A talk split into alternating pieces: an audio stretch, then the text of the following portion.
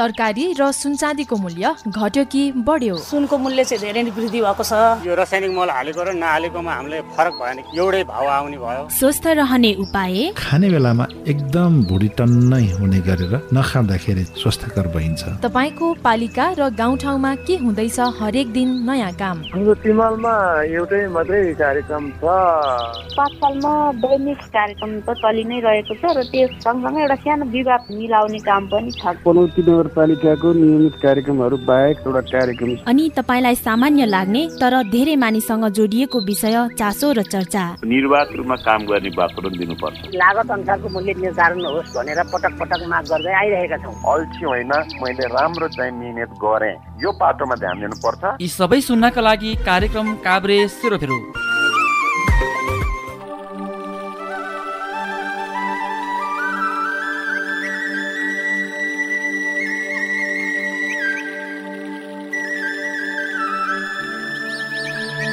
Música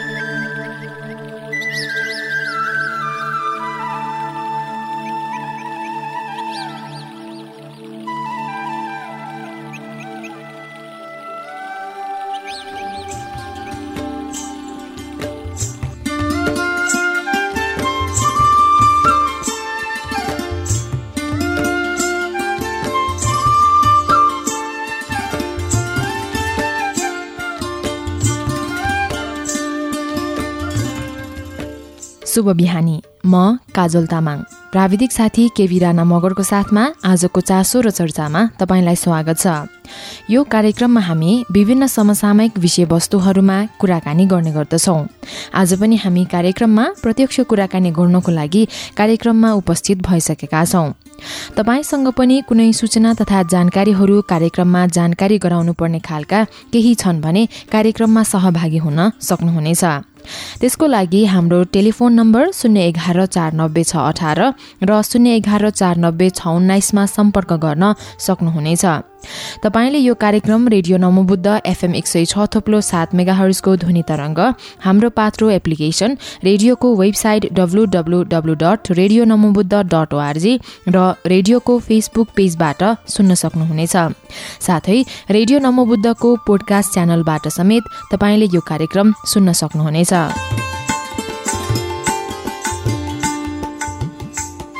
corona भाइरसको संक्रमण दर देशैभरि बढ्दो क्रममा छ। बजारी क्षेत्र तथा मानिसहरूको चहल पहल हुने ठाउँमा कोरोना संक्रमितहरू थपिरहेको पाइएको छ। जिल्लाको बनेपा पनौती लगायतका शहरी क्षेत्रमा संक्रमितहरूको संख्या बढ्दो क्रममा छ। संक्रमण रोकथाम तथा नियन्त्रणका लागि विभिन्न पालिकाहरूले तयारी गरिरहेका छन्।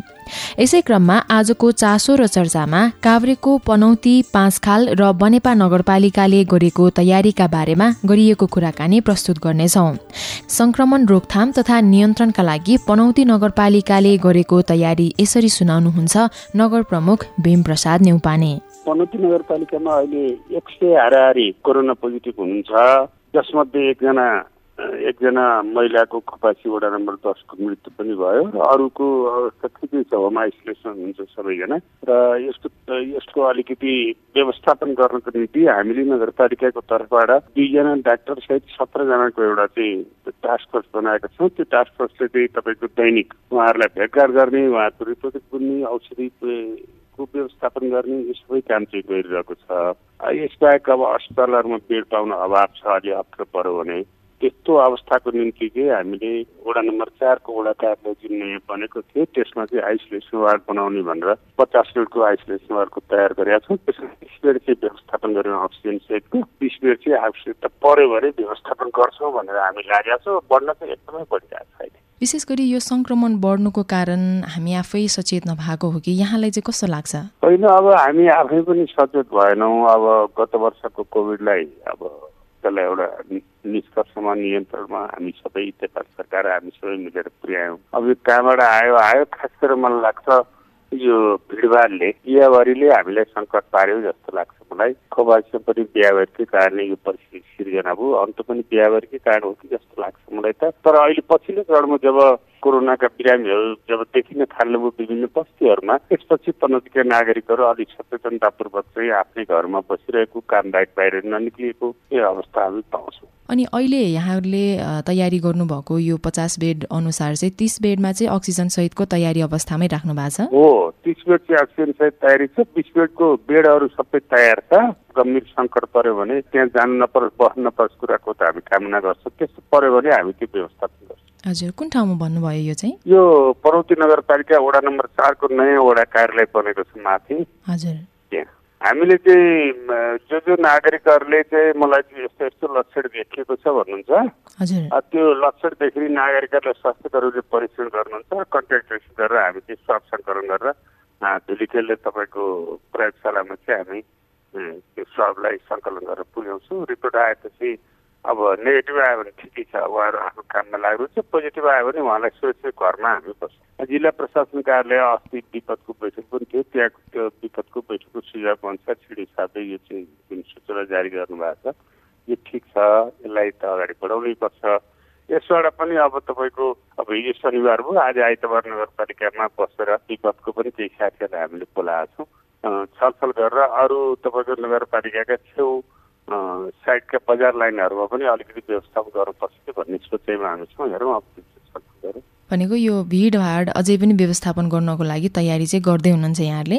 अँ गर्दैछौँ गर्दैछौँ आइसोलेसन जुन यहाँहरूले भन्नुभएको जस्तै तिस बेडको त तयारी गरिसक्नु भएको छ। अझै पनि हाम्रो तयारीहरू चाहिँ के कस्तो चाहिएला? जस्तै अब यो आइसोलेसनको कुरा त भयो सँगसँगै अ, स्वास्थ्यकर्मीहरूदेखि लिएर अथवा अन्य हामीलाई जति आवश्यक कुराहरू स्वास्थ्य हाम्रो आइसोलेसन वार्डमा दुईजना डाक्टर साहबहरू बस्नुहुन्छ। र पाँचजना स्वास्थ्य कर्मीहरू बस्नुहुन्छ। हजुर। सँगै अरू केही तयारीहरू आवश्यक छ अथवा गर्नुपर्ने? तयारी गरिएको छ बेडको तयारी गरिएको छ अक्सिजनको तयारी गरिएको छ पानीको तयारी गरिएको छ गर्नुपर्ने सबै तयारी गरिएको छ। तर अब एउटा कुरा के छ भने गत वर्षको कोभिड र यो वर्षको कोभिडमा फरक छ। गत वर्ष हामीले पाँच सय एकहत्तरजना बाह्य देशबाट आउने नागरिकहरूलाई चौध दिन क्वारेन्टाइनमा राखेर उहाँहरूको उपचार गरेर त्यहाँ बसाएर उहाँहरूलाई हाँसेपछि हामीले उहाँहरूको घरहरू बिदा गरौँ यो पटक हामीलाई त्यो कुरा पर्दैन किनभने देशबाट नागरिकहरूको सङ्ख्या कम हुन्छ। होइन? गत वर्ष चाहिँ सन्तास थियो कसैले घर पस्नै नचाहने पस्ने भए पनि तपाईँको पस्न नदिने दस थरीका टिका टिप्पणीहरू हुने यो खालको परिस्थिति गत वर्ष यो वर्ष छैन। यो वर्ष एकदम सहजतापूर्वक कोरोनालाई बस्तीले पनि बचाएको छ नागरिकहरूले पनि बचाएको छ र जो तपाईँको पीडित नागरिक हुनुहुन्छ उहाँ पनि इमान्दारितापूर्वक अत्यन्त सचेततापूर्वक चाहिँ आफ्नो तपाईँको घरमा बस्ने कुरामा उहाँ सचेत हुनुहुन्छ। यसले गर्दा यो पटक अलिक सहज छ। मेरो विचारमा हामीले जुन आइसोलेसन वार्ड तयार गरेका छौँ त्यसमा बस्ने परिस्थिति सायद सिर्जना नहोला यो त्यही तयारी मात्रै हामीले गरिरहेको किनभने अब सङ्कट आइलागेपछि तत्काल गर्न असम्भव हुन्छ त्यसैले यो यो चाहिँ पूर्व तयारी अब एकदम सुरक्षित बसौँ भयावह स्थिति छ यो भयावह स्थितिलाई हामीले अब पार लाउनु पर्ने परिस्थिति छ त्यसैले अति आवश्यक काममा घरबाट बाहिर निक्लौँ त्यसभन्दा बाहेक चाहिँ घरमै बसौँ स्वास्थ्य मापदण्डको पालना गरौँ र जो जो कोभिड नाइन्टिनबाट सङ्क्रमित हुनुहुन्छ उहाँहरूको स्वास्थ्य लाभको कामना गरौँ उहाँहरूलाई फोन गरौँ सुझाव दिउँ उहाँहरूलाई उत्साहित गरौँ जसले गर्दा आगामी केही दिनभित्र हामीले यो कोरोना कहरलाई जितेर हाम्रो नगरपालिकालाई हामी आफ्नो बाटोमा हिँड्न सक्ने परिस्थिति सिर्जना गर्न सक्छौँ। यहाँका नागरिक तर्फबाट भनेर उहाँहरूलाई हार्दिक आग्रह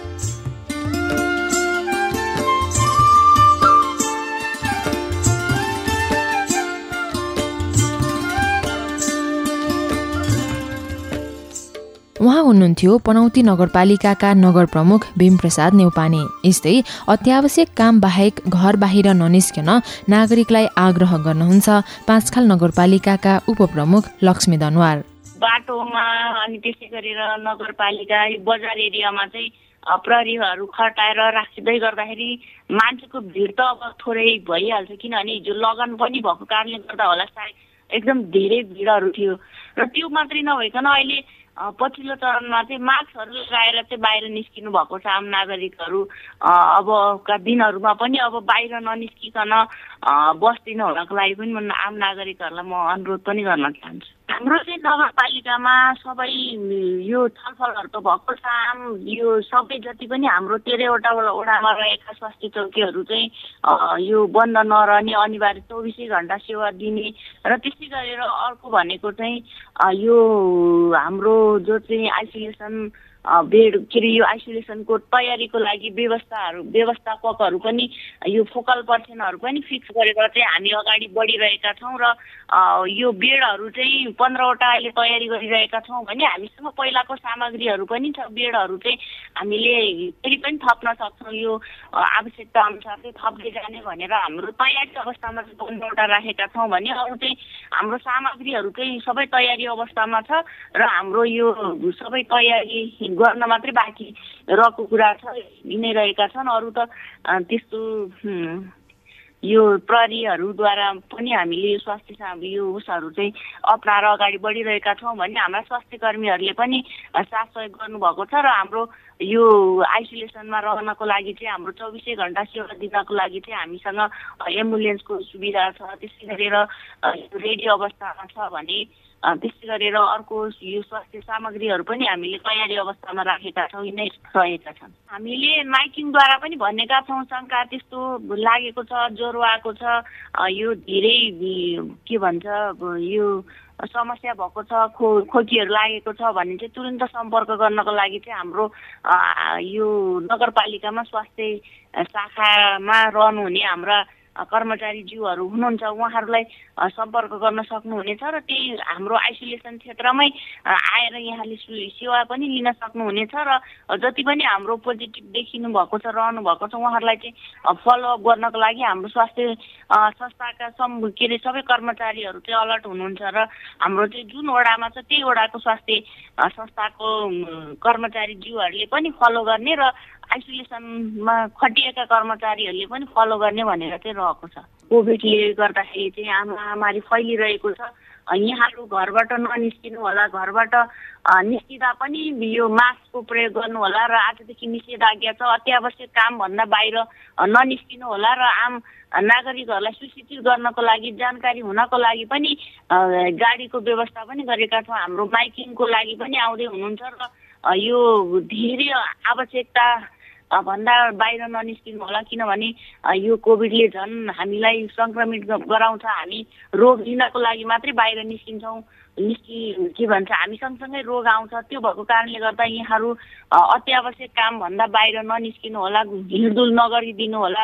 घरमै बस्नु होला र यो हामी रह्यौँ भने मात्र भोलि संसार देख्न पाइन्छ र हामी जब रहँदैनौँ हामी केही पनि गर्न सक्दैनौँ हामीले रोग नभित्र्याउँ। सम्पूर्णलाई यही आग्रह गर्न चाहन्छु। सम्पूर्ण नगरवासीहरूलाई म यही अनुरोध गर्न चाहन्छु। हामी केही दिन हामी घरमै बसौँ बाहिर ननिस्कौँ र हामीले रोगसँग रोगलाई ल्याउनको लागि हामी बाहिर ननिस्कौँ भन्न चाहन्छु। हस् धन्यवाद।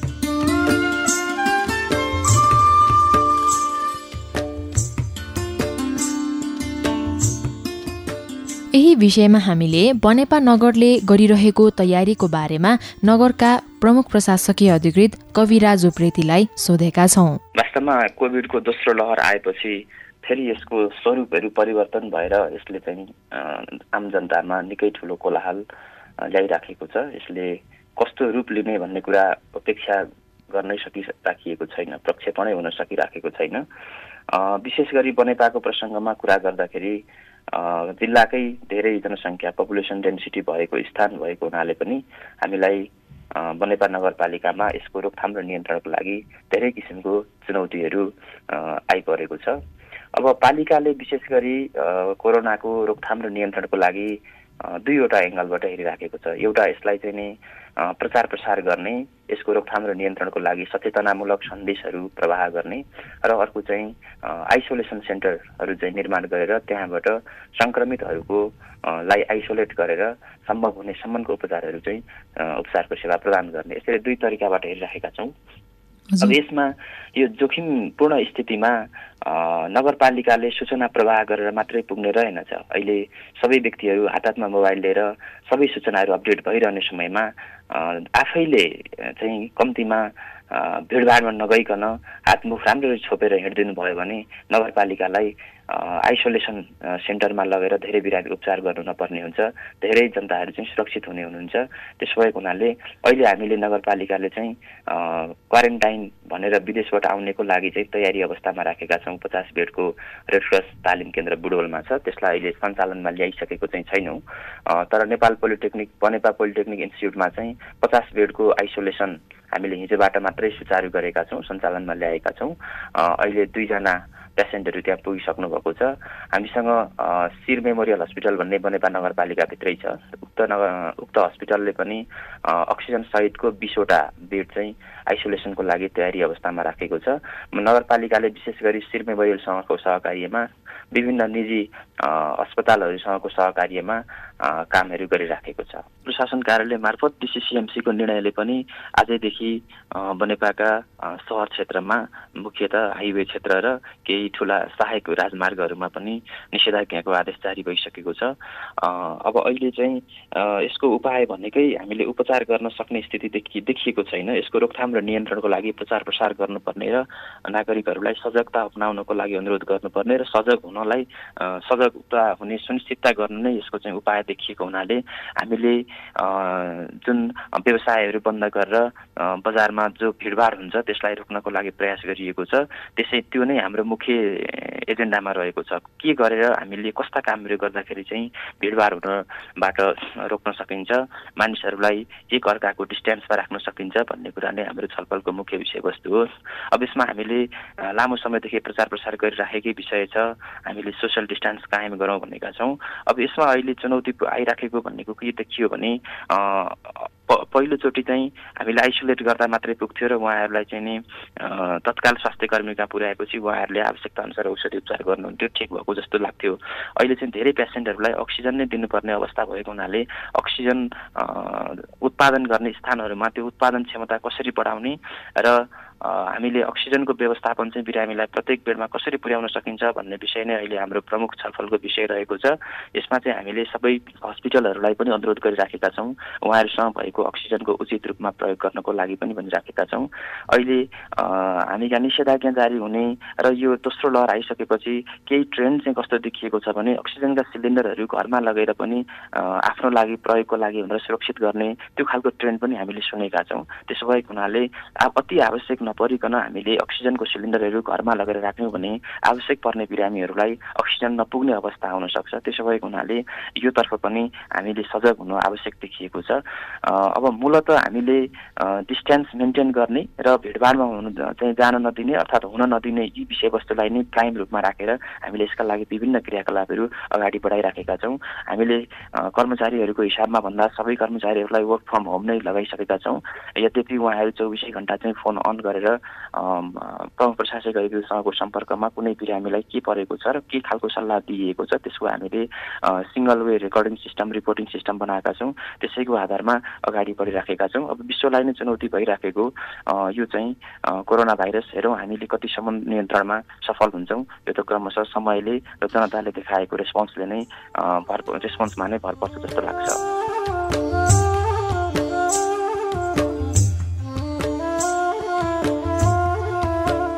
कार्यक्रमको लागि समय उपलब्ध गराउनु भएकोमा बनेपा नगरपालिकाका प्रमुख प्रशासकीय अधिकृत कविराज उप्रेतीलाई धन्यवाद। अब भने आजको चासो र चर्चाको समय सकिने लागेको छ। यतिन्जेल जहाँ रहेर जुन माध्यमबाट हाम्रो कार्यक्रम सुनेर साथ दिनुभयो तपाईँलाई धेरै धन्यवाद। त्यसै गरी प्राविधिक रूपमा सहयोग गर्नुहुने प्राविधिक साथी केबी राणा मगरलाई पनि धन्यवाद दिँदै आजको कार्यक्रमबाट म काजल तामाङ बिदा हुन्छु। तपाईँको बाँकी समय शुभ रहोस्। नमस्कार।